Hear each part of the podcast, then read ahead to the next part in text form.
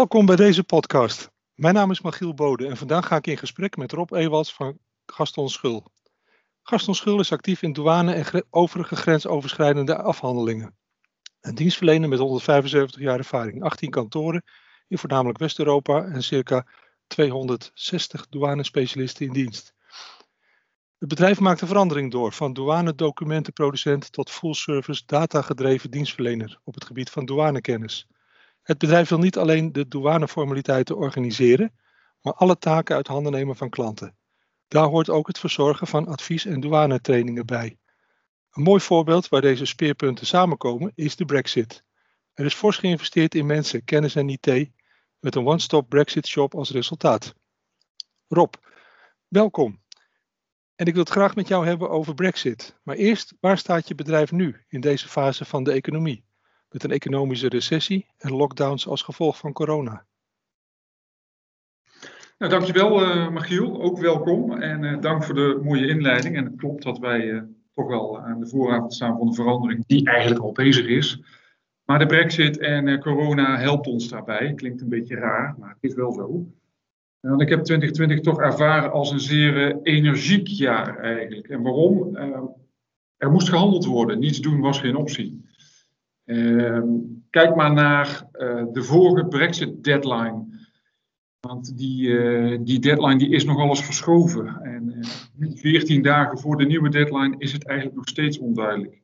Maar daar zullen we straks misschien nog wel op terugkomen. Ja, graag. Maar in, in, in die deadline van een aantal uh, um, maanden geleden hadden wij fors geïnvesteerd in, in bijvoorbeeld personeel. Ehm, en toen ging het niet door. En ondertussen zagen wij dat de economie afzwakte. En wij zagen dat voordat corona kwam, want wij zijn vroeg cyclisch. We zitten aan de, aan de in-exportkant. Dus wij zien als eerste of het goed gaat of dat het minder goed gaat met de economie. Dus die economie die was al een beetje af het vlakken. En toen kwam corona er nog eens overheen, waardoor het uh, wegzakte. En ja, geïnvesteerd in mensen in, in, en in middelen, IT. En aan de andere kant uh, een afzwakkende economie en een corona. Nou, dan hoef ik niet te vertellen dat de kosten stijgen en omzet dalen, wat dat dan betekent. dat lijkt me. Waar, waar, zag je, waar zag je dan in 2019 eigenlijk al. Hè? Waar zag je dan die afzwakkende economie al aankomen? Want uh, ik heb ook de indruk dat niet iedereen het op dat moment uh, door had. Nou, omdat wij vroegcyclisch zijn en aan de in- en exportkant zitten en de documenten daarvoor maken, zagen wij gewoon dat er een teruggang was. Uh, en dat zagen wij bijvoorbeeld ook in 2007, 2008 was het geloof ik. Voordat die huizen, die hypotheekcrisis begon, eh, een half jaar daarvoor eh, begon het bij ons al. En daar leek het nu ook al een beetje op. Alleen, ja, dat, dat is versneld heeft zich dat doorgezet door corona. Maar wij zagen al dat het af en vlakken was. Okay. En gewoon door het feit dat we minder opdrachten kregen van de klanten. De klanten waren er nog wel, maar de klanten zelf hadden minder opdrachten. Hadden die klanten dat nou zelf ook door? Want uh, bij jou komt natuurlijk de op- en aftelsom binnen. Ik denk dat klanten dat niet 1, 2, 3 doorhebben. Uh, het kan ook zijn dat ze uit voorraad leveren en de voorraad er nog is, maar de voorraad minder hard wordt aangevuld. En als die minder hard wordt aangevuld, hebben wij minder werk. Maar uh, bij de klant komt die reactie dan uh, bijvoorbeeld een half jaar later. Dus ik denk dat het daar nog niet doorgedrongen. Oké, okay. oké. Okay. Ja, en toen, uh, en toen begon de wereld ineens heel snel te veranderen. Ja, toen, toen, uh, toen kwam corona en uh, al vaker gezegd, in andere interviews ook, dat, dat het eigenlijk, het klinkt heel stom, maar best een leuke tijd is. Omdat, wat ik net al zei, stilzitten geen optie was en je, je moest of we moesten reageren. We hadden natuurlijk een, een, een crisisteam en dagelijks corona-overleg. Maar voordat Rutte ging roepen, jullie moeten uh, van thuis uit gaan werken. Een aantal dagen daarvoor hadden wij al 30 laptops besteld. Om de mensen te faciliteren om thuis te kunnen werken. En dat is niet ook, want een week later waren al die laptops uitverkocht. Dus we hebben geprobeerd zo, zo vroeg mogelijk te schakelen. Ook de mensen mee te nemen, te informeren. Uh, ik ben bijvoorbeeld uh, gaan vloggen om de mensen te bereiken. Want je zei in je inleiding 18 kantoren, dat klopt. Dus we zitten versnipperd. Dus ik zie de mensen niet allemaal en via een vlog kan ik ze toch allemaal uh, tegelijkertijd bereiken. Ja. En uh, nou bleek dat dat thuiswerken niet eens zo heel slecht ging. Het was natuurlijk wennen. Maar wij, in onze business is nog veel papier, ook omdat we met originele documenten werken. Maar al met al waren we helemaal niet ontevreden hoe het gegaan is met het thuiswerken. Okay. En het heeft ons weer in een nieuwe fase gebracht en een nieuwe, nieuwe denken als het ware aangezet. Ja, ja, ja. Want het, het viel ons ook op hè, dat uh, we zijn natuurlijk al een tijdje bezig om trends en ontwikkelingen. En dan hebben we trending topics, hè, dingen die we belangrijk vinden. En die hadden we natuurlijk in 2019 hadden we die al bedacht. En eigenlijk bijna alle trends die we, uh, die we voorzagen op dat moment, zonder corona, die blijken eigenlijk stuk voor stuk allemaal heel erg versneld en uitvergroot te worden door, door zo'n corona-epidemie en door in feite gewoon de druk op, op een, vanuit een anderhalve meter economie. Het, het, thuiswerken noemde je al. Um, maar het, het, vraagt wel wat van mensen, toch? Om, dat merken wij natuurlijk ook, hè, om niet meer of heel weinig naar kantoor te gaan. Alles veel meer digitaler te moeten oppakken. Dat is. dat is ja, het vraagt, het vraagt enorm veel van mensen. Kijk, ik heb een fijne werkplek thuis, maar die had ik al. Ja. De meeste mensen die zitten aan de keukentafel en hebben niet de goede stoel en, en, en hebben kinderen thuis die ook in de, in de eerste lockdown, hè, want we zitten voor de tweede lockdown, maar die ook in de eerste lockdown uh, thuis waren. En het, het, is een hele opgave om dan thuis te werken. En uh, wat ik zelf ervaren heb en ook terug heb gehoord, is dat werk en privé steeds meer door elkaar gaat lopen. Je, je, je laat makkelijker je laptop openstaan en gaat s'avonds nog even door. En je gaat van Teams meeting naar Teams meeting. En een Teams meeting is, is een hele andere vorm van concentratie dan uh, fysiek bij elkaar zitten. Ja, ja, uh, en je had gemakkelijk op een dag en nog steeds uh, gewoon acht meetings en zonder te stoppen. En ja, dat kost best wel veel energie, moet ik zeggen. En, Mensen in het begin, in het begin doe je het ook, hè? In het begin, dat is het gekke. In het begin doe je het ook. En je moet er soms een beetje op de harde manier op gewezen worden dat het toch helemaal niet verstandig is. Hè? Pauze er tussendoor nemen en, en nou, daar, daar moet je elkaar ook een handje bij helpen, denk ik. Dat klopt. Ik probeer het ook, maar het lukt me bijna nooit. Oh, daar ben ik heel eerlijk in. Ja. Uh, want ik ga maar door. Maar dat is ook omdat het leuk is. En, en, en, en uh, ja, dat er natuurlijk veel voor de, voor, voor de deur staat met die brexit die eraan mhm. komt. Maar ja, het, het, men dacht thuiswerken, dat wordt het. Ik denk dat als we dadelijk die uh, coronacrisis achter ons hebben, dat we heel snel weer toch ook weer heel veel op kantoor zullen zijn. Mm -hmm. En er zal een hybride vorm gaan ontstaan tussen uh, ja, dat doorwerken, collega's zien, mensen fysiek ontmoeten. Dat is toch anders dan uh, alles van thuis uit en via Teams. Klopt, klopt, klopt. Wat je, wat, wat je ook ziet is dat het, het, het delen van kennis, uh, dat, dat lukt uh, prima, hè? digitaal en met Teams. Maar de inspiratie uh, om dat uh, over te brengen via zo'n schermpje van een laptop, dat is eigenlijk. Ja, daar is geen substituut voor echte, echte contacten en echt bij elkaar zijn, denk ik. Nee, je mist, je mist zeer zeker de mimiek en, en, en, en de blikken van mensen. En daarom is het veel fijner en prettiger om tegenover elkaar te zitten dan naar een beeldscherm te turen. Ja. Nou was je al begonnen natuurlijk ehm, want de brexit uh, zagen we al wat langer aankomen. En de ontwikkeling die jouw bedrijf doormaakt, uh, waar je op stuurt, was natuurlijk al naar steeds digitaler, naar steeds meer advisering, steeds meer platformachtig, denk ik. dus, dus je was al begonnen met, met andere mensen aan te nemen, neem ik aan. Ander soort mensen of mensen te, te trainen. Hoe, hoe ging dat?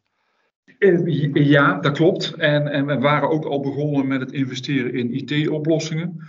Eh, je noemde het in je inleiding. Eh, we hebben een poort ontwikkeld waarbij de kennis in het systeem zit.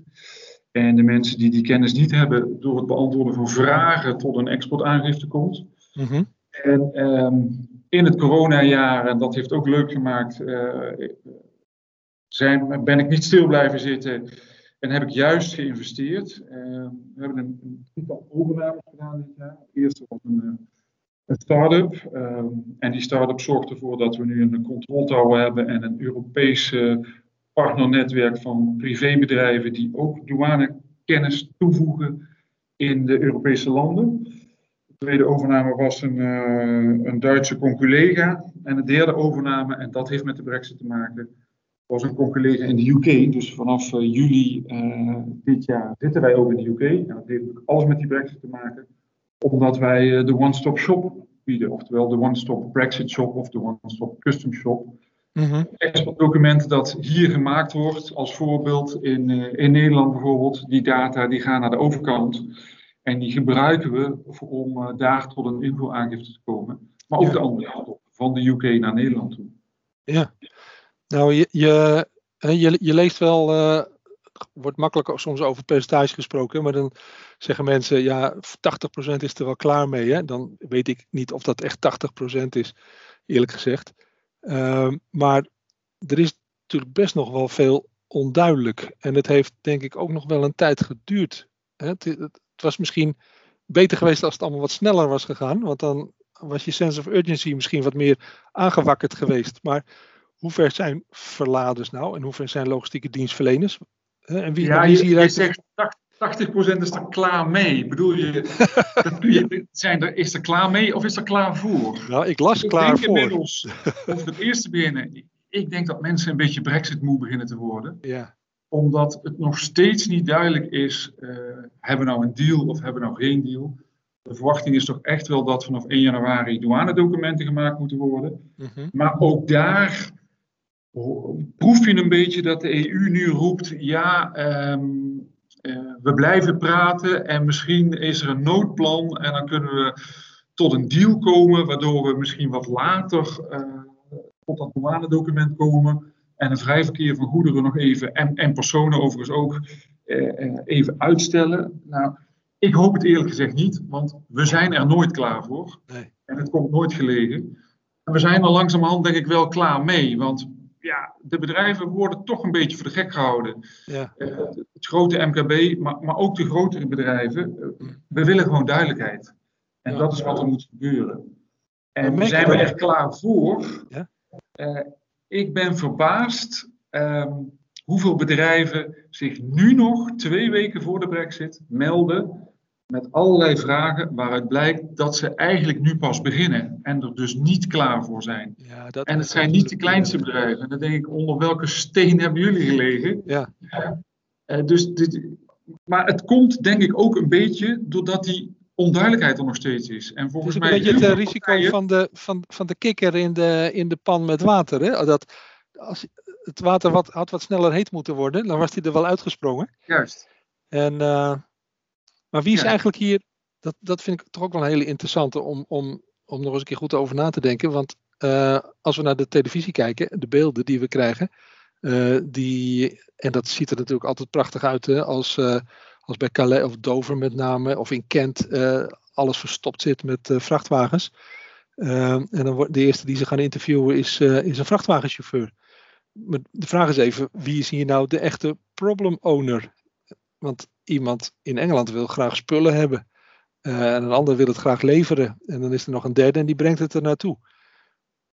Hoe moet je dat ja, zien? Ja, ik denk dat je dat moet zien dat, dat, dat we dat eigenlijk allemaal zijn. En we met name er elkaar voor moeten helpen. Wij voor een stukje logistiek en, een stukje douane. Eh, de vervoerders, logistiek dienstverleners. Om de goederen die plas over te krijgen. Hm? Maar ook de im- en exporteurs en de verladers. Je moet als één team opereren om, om het geregeld te krijgen. Want anders dan uh,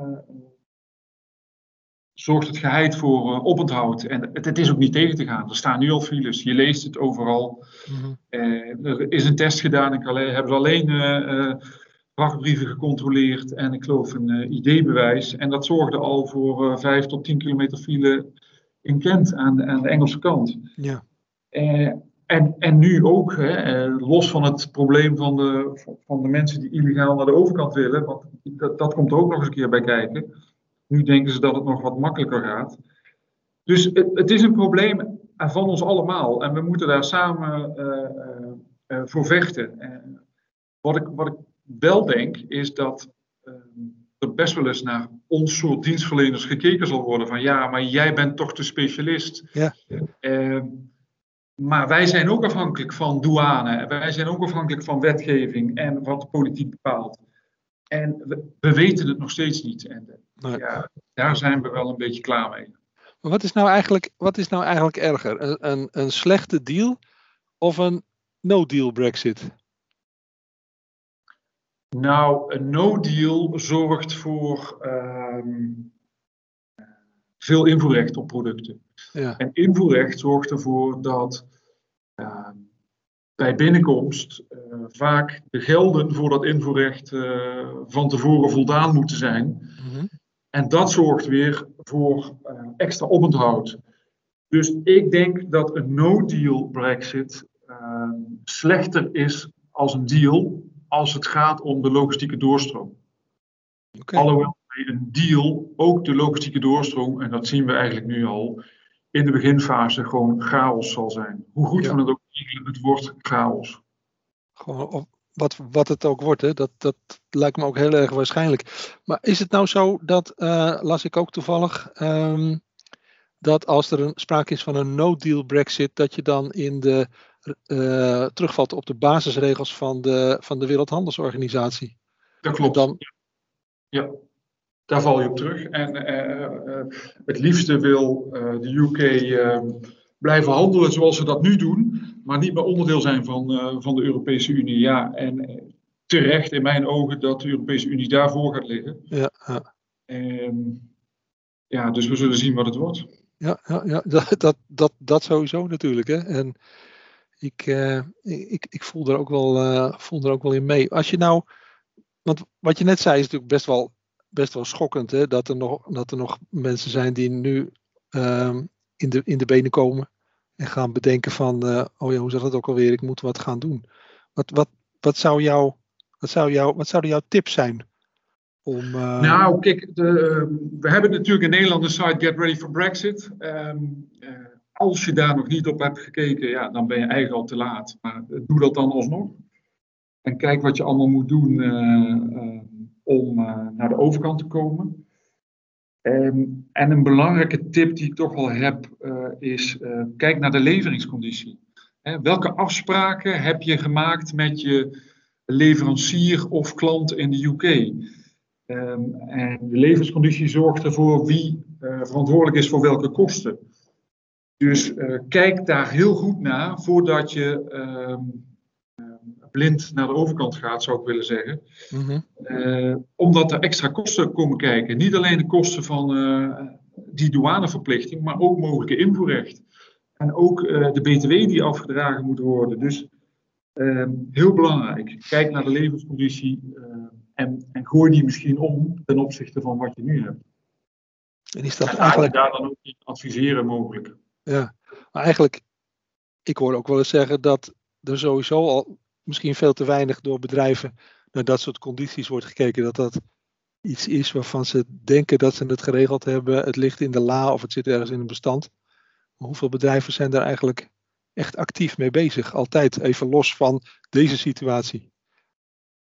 Nou, dat, dat weet ik niet zeker, Michiel. Maar ik, ik, ik denk dat je gelijk hebt. Ik denk dat te weinig eh, bedrijven daar eh, kritisch mee bezig zijn. Omdat de levensconditie ook vertelt uh, waar ligt je risico en waar houdt het op. En Precies. Dat is natuurlijk wel heel belangrijk. En dat is dan een enorm goed vertrekpunt om te kijken van uh, als dan er iets gebeurt, hè, of het nou een coronacrisis is of een brexit, waardoor de boel nog verder op de spits wordt gedreven, dan, uh, ja, dan wordt het spannend en dan moet je dat soort, dat soort punten wel heel goed voor de bril hebben. Is, is, er, is, er, nog een manier waarop je zou kunnen bedenken hoe je, hoe je dat problem ownership, uh, hoe je dat uh, over meer stakeholders zou kunnen uitsmeren, waardoor je, uh, waardoor je in feite misschien wat meer nog met elkaar gaat samenwerken in die keten? Um, nou ja, de, de, de, samenwerking ehm, door een brexit ontstaat misschien wel nooit gedwongen en, en in de logistiek wel meer mogen gebeuren. Uh, ik vind dat dat uh, eigenlijk, eigenlijk te weinig gebeurt in de logistiek. En de Brexit zou ons daar juist bij kunnen, kunnen helpen. Maar ja, dan, dan, dan moet je denken aan, aan, aan platformen, aan samenkomsten, aan digitale bijeenkomsten. Waarin al die partijen vertegenwoordigd zijn en standpunten met elkaar gaan delen en ervaringen gaan delen. Ja, ja. En, en ja. dat zou je natuurlijk ook kunnen optuigen, ja, nu nog, vlak voor een Brexit, maar ook in de eerste maand terwijl die brexit loopt en, en, en, op die manier ervaringen te delen. Maar ik denk dat de brancheorganisaties daar ook uit, uitermate geschikt voor zijn om daar kennis te delen met elkaar. Absoluut. Schone, schone taak voor weggelegd. En inderdaad, het, is een, het is natuurlijk een hele operationele wereld. Hè? Dus je, misschien merk je het pas als het aan het gebeuren is en dat je dan weet wat je moet gaan doen, dan, nou, dan is het misschien, het was fijner geweest als je het iets eerder had gedaan. Maar dat is dan het allerlaatste moment waarop je inderdaad in actie moet komen, toch? Dat klopt. En, en, en we weten ook pas wat het precies inhoudt als het draait. Want ja, klopt. zitten wij met klanten, uh, willen we testen, maar, maar het is heel lastig. Want ja, we, we, we hebben geen testzendingen en uh, de, de, de, systemen met de douane werken nog niet. Dus we gaan pas ervaren uh, op het moment als het 1 januari geweest is, ervan uitgaande dat er dan een douaneverplichting is en geen vrij verkeer van goederen is. Uh, en dan zou het goed zijn om ervaringen ook te delen met elkaar. Absoluut, absoluut. En dat lijkt me een mooie, dat lijkt me een mooie afsluiting uh, voor dit gesprek, Rob. Ik, en ik, ik denk dat ik dan graag nog een keer met je in gesprek ga om te kijken van wat, wat is er nou eigenlijk echt aan de hand wat gebeurt er en uh, waar kunnen we elkaar misschien een, uh, een handje verder helpen? Uh, ik wil je heel graag bedanken voor dit gesprek. En de luisteraars natuurlijk ook voor, het, voor het luisteren. Um, de podcast komt links en rechts natuurlijk ook op onze sites te staan van Gaston Schul en van ING, ing.nl. Raad ik van harte aan. En nogmaals, Rob, bedankt. Luisteraars, bedankt voor dit gesprek. Heel graag gedaan.